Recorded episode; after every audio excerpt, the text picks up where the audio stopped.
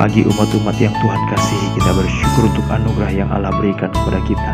Mari bersama-sama kita membaca kitab suci dari Mazmur pasal yang ke-23. Mazmur pasal yang ke-23 ayat yang pertama kita akan membaca sampai ayat yang ke-6. Mazmur pasal yang ke-23 ayat 1 sampai ayat yang ke-6.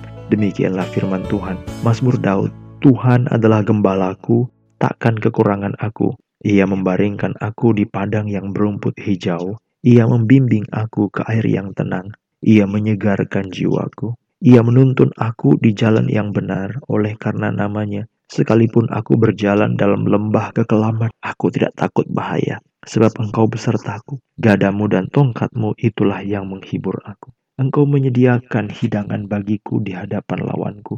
Engkau mengurapi kepalaku dengan minyak. Pialaku penuh melimpah kebajikan dan kemurahan belaka akan mengikuti aku seumur hidupku dan aku akan diam dalam rumah Tuhan sepanjang masa. Demikianlah pembacaan kitab suci. Puji Tuhan. Bersyukur kepada Tuhan kita sampai pada Mazmur pasal 23. Satu Mazmur yang istimewa, Mazmur yang terkenal, disebut sebagai Mazmur yang the most charming and beloved psalm. Mazmur yang sangat dirindukan dan sangat memukau dari setiap orang-orang percaya sepanjang zaman, tidak ada orang yang bisa meluputkan atau melewatkan Mazmur 23 begitu saja. Pasti kalau ditanya, dalam kitab Mazmur, apa Mazmur yang paling berkesan dalam hatimu? Ya mungkin orang karena memang benar-benar berkesan atau memang hanya karena ingat, mereka akan berkata Mazmur pasal 23, Tuhan adalah gembalaku. Tuhan diperkenalkan sebagai gembala. Mazmur pasal 23 ayat 1, Tuhan adalah gembalaku. Dalam Mazmur pasal yang ke-23, boleh kita sebut ada dua bagian. Yang pertama adalah peran Allah sebagai gembala, dan yang kedua adalah peran pemimpin rumah sebagai gembala, dan kedua sebagai empunya rumah. Jadi sebagai gembala ada tugas-tugas dan perilaku-perilaku yang dikerjakan oleh gembala itu kepada kita sebagai umat-umatnya, sebagai domba-dombanya. Dan sebagai si empunya rumah, maka Tuhan juga memperlakukan kita. Ada pekerjaan-pekerjaan yang dilakukannya kepada kita, orang yang diam di rumahnya. Tetapi dalam Mazmur pasal 23 ada syarat supaya orang bisa masuk ke rumahnya. Tidak mungkin orang bisa masuk ke rumahnya kalau tidak melalui syarat ini. Nah, apakah syarat itu? Syarat itu dia harus dituntun oleh gembala. Jadi gembala ini adalah pendahulu. Gembala ini adalah yang di awal. Gembala ini adalah yang memimpin. Barulah dia masuk ke dalam rumah. Rumah dari si empunya rumah. Mari kita mulai. Tuhan adalah gembalaku takkan kekurangan aku. Yang kedua, ia membaringkan aku di padang yang berumput hijau. Ia membimbing aku ke air yang tenang. Ayat 3. Ia menyegarkan jiwaku. Ia menuntun aku di jalan yang benar oleh karena namanya. Nah, saudara lihat, semua pekerjaan-pekerjaan dilakukan gembala itu adalah pekerjaan yang dibuat satu arah, bergerak ke satu arah, bergerak ke tempat yang tepat, bergerak ke arah yang benar, bergerak di tempat yang seharusnya. Saya ulang baca ya. Tuhan adalah gembalaku, takkan kekurangan aku. Ia membaringkan aku di padang yang berumput hijau. Saudara perhatikan kalimat-kalimat yang dikerjakan gembala itu. Ia membaringkan, ia membimbing, ia menyegarkan, ia menuntun. Membaringkan, membimbing, menyegarkan, menuntun. Ini pekerjaan yang dikerjakan gembala itu. Jadi pekerjaannya itu adalah pekerjaan yang aktif, pekerjaan yang membuat kita bergerak, pekerjaan yang membawa kita kepada arah tertentu, pekerjaan yang membawa kita pada tempat-tempat yang jelas, tempat yang sudah ditentukan. Jadi waktu dia membaringkan, waktu dia membimbing, waktu dia menyegarkan, waktu dia menuntun, itu semua ke arah jelas, menggerakkan kita, mengaktifkan kita. Ya namanya kalau membaringkan itu berarti kita dari posisi sebelumnya kepada posisi yang terbaru. Kalau dia membimbing itu berarti dari satu tempat kepada tempat yang lain. Jadi kita bergerak, kita akan dituntun, kita akan dibawa. Nah inilah pekerjaan gembala. Jadi keberhasilan dari seorang hamba Tuhan sebagai seorang pemimpin yang menggembalakan itu adalah membuat umatnya bergerak dari satu tempat ke tempat yang lain. Membuat umatnya itu bertindak, bergerak bukan dalam keadaan yang statis atau pasif. Tapi dia akan bergerak, dia akan bergerak, dia akan bergerak. Barangkali pasif dalam arti kata diam ya, still ya tapi dia akan bergerak Sehingga pasifnya itu adalah bergerak tapi menerima perlakuan. Ia membaringkan aku di padang berumput hijau. Ia membimbing aku ke air yang tenang. Ia menyegarkan jiwa. Ia menuntun aku di jalan yang benar. Barangkali untuk memberikan penekanan dalam bagian yang pertama ini, ia menyegarkan jiwaku. Kalimat menyegarkan yang dimaksudkan dalam Mazmur pasal 23, mari kita ingatkan kembali dengan Mazmur pasal yang ke-19. Pada waktu kita merenungkan tentang bagaimana firman Tuhan itu memberikan kepada kita kesegaran. Taurat Tuhan itu sempurna, menyegarkan jiwa. Mazmur pasal yang ke-19. Kita baru membicarakan itu ayat yang ke-8. Taurat Tuhan itu sempurna, menyegarkan jiwa. Apa arti menyegarkan? Syub, menyegarkan itu adalah kalimat yang dicatat dalam Yehezkiel pasal 14 ayat yang ke-6. Kata ini dipakai tiga kali. Bisa disebut dengan bertobat, bisa disebut dengan berpaling, atau memalingkan. Pada waktu gembala menjalankan tugasnya, Tugas yang tidak boleh lupa adalah membuat jemaat itu sampai kepada pengalaman pertobatan. Jadi Tuhan adalah gembala, takkan kekurangan aku. Ia membaringkan aku di padang yang berumput hijau. Ia membimbing ke air yang tenang. Ia menyegarkan jiwaku. Jangan lupa pertobatan. Ia menuntun aku di jalan yang benar oleh karena namanya. Jadi ada juga istilah tambahan menuntun aku di jalan yang benar pada bagian memperkenalkan Allah sebagai gembala, maka kita bukan hanya dipertontonkan, diberitahu, ditunjukkan pekerjaannya. Apa yang dikerjakan gembala itu? Membaringkan, membimbing, menyegarkan, menuntun. Tapi saudara lihat tempatnya ke mana? Tempatnya itu di mana? Arahnya itu ke mana? Ia membaringkan ke mana? Di padang rumput yang berumput hijau. Jelas ia membimbing ke mana? Ke air yang tenang. Ia menyegarkan. Menyegarkan apa? Jiwamu dipertobatkan.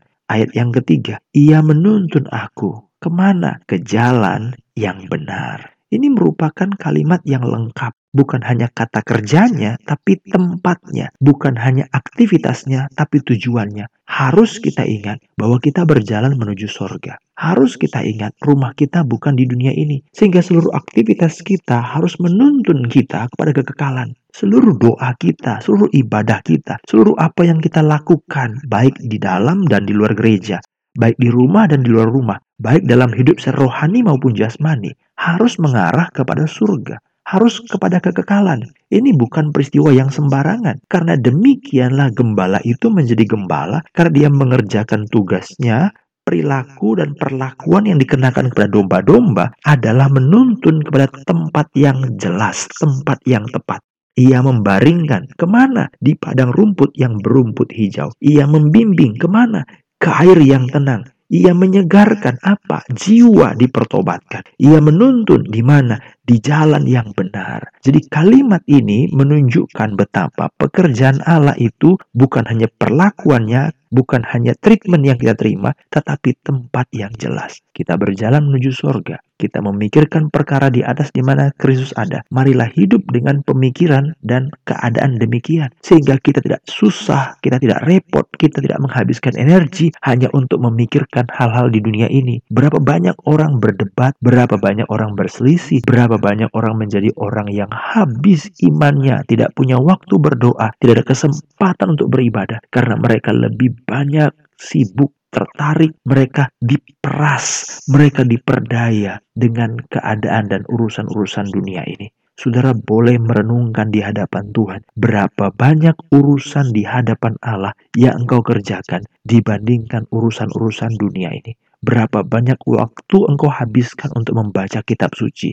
Berapa banyak waktu engkau habiskan untuk mendengar khotbah-khotbah yang baik berapa banyak bagus hal-hal yang indah yang engkau terima, yang engkau lakukan untuk kepentingan kehidupan kekalmu. Seorang daripada hamba Tuhan di Amerika Baptis dari pemimpin Southern Baptist uh, Theological Seminary, suatu sekolah teologi yang sangat penting dan memiliki reputasi yang bagus di Amerika, Al Mohler. Dia memiliki suatu kebiasaan untuk bekerja jam 3 pagi dari tahun ke tahun. Dalam satu wawancara ditanya, apa yang Anda kerjakan dari jam itu? Apa yang Anda lakukan dari jam-jam itu? Kenapa jam-jam sunyi, jam-jam sepi di mana orang harusnya beristirahat, tetapi Anda pakai jam itu sebagai prime time supaya Anda bekerja. Dan dia berkata bahwa jam itu adalah jam yang tenang yang saya lakukan untuk kepentingan jiwa saya, untuk keperluan jiwa saya, dan untuk khotbah-khotbah saya. Berapa banyak di antara kita memperlakukan, mementingkan, memperhatikan keperluan jiwa kita. Ia menyegarkan jiwaku dan menuntun aku ke jalan yang benar. Jadi hal yang berkaitan dengan perlakuan yang dikerjakan Allah kepada kita, itu artinya penggembalaan. Jadi penggembalaan bukan bicara masalah apa keinginan dari domba. Tidak ada. Dalam hal ini domba itu pasif sekali saudara-saudara. Tapi bukan pasif berarti still, bukan pasif berarti diam. Tapi pasif dituntun, dibawa, dibaringkan. Pasif itu bukan berarti dia seperti patung. Tapi dia tidak punya andil apa-apa. Tidak ada suara domba di sini. Tidak ada keinginan domba di sini. Tidak ada kemauan domba. Tidak. Dia akan dibawa ke mana, dia ikut, dia turut. Tapi yang pasti, dia tidak akan kekurangan. Itulah menggembalakan. Jadi kita sekarang berada dalam keadaan yang sangat kacau dari arti menggembalakan. Tidak ada andil domba. Dalam Mazmur pasal 23, murni itu adalah Tuhan sebagai gembala. Yang kedua, bukan hanya perlakuannya yang diberikan, tetapi tempatnya yang tepat diberikan. Dan pada waktu dibaringkan, dibimbing, disegarkan, dituntun, maka saudara akan diizinkan untuk apa? Masuk kepada tuan rumah. Jadi gembala Tuhan diperkenalkan dalam Mazmur 23 bagian pertama, bagian kedua, baru kita diizinkan masuk menikmati apa yang disediakan dalam Tuhan sebagai tuan rumah. Ayat yang keempat, walau lewat dalam lembah kekelaman tidak takut bahaya. Karena apa? Ya karena ada tuan rumah dan tidak takut, ya kan? Ada gada dan tongkat yang menghibur. Wah, kenapa? Ya aku tidak takut karena ada tuan rumah. The Lord of Hosts. Ini merupakan hal yang sangat indah dalam bahasa Alkitab yang diberikan kepada kita. Kita bukan menjadi orang asing karena kita dari luar, kita sudah masuk ke dalam rumah. Kita sekarang ada di keadaan Tuan rumah, engkau menyediakan hidangan bagiku. Engkau mengurapi kepalaku dengan minyak. Pialaku penuh melimpah. Kebajikan dan kemurahan belaka mengikuti aku seumur hidupku. Kalimat terakhir, aku akan diam dalam rumah Tuhan. Sebab engkau yang empunya rumah. Engkau yang menjadi tuan rumah. Engkau yang memimpin aku masuk ke rumah ini anugerah Tuhan kalau kita boleh menikmati segala kelimpahan yang disediakan dalam rumah Allah.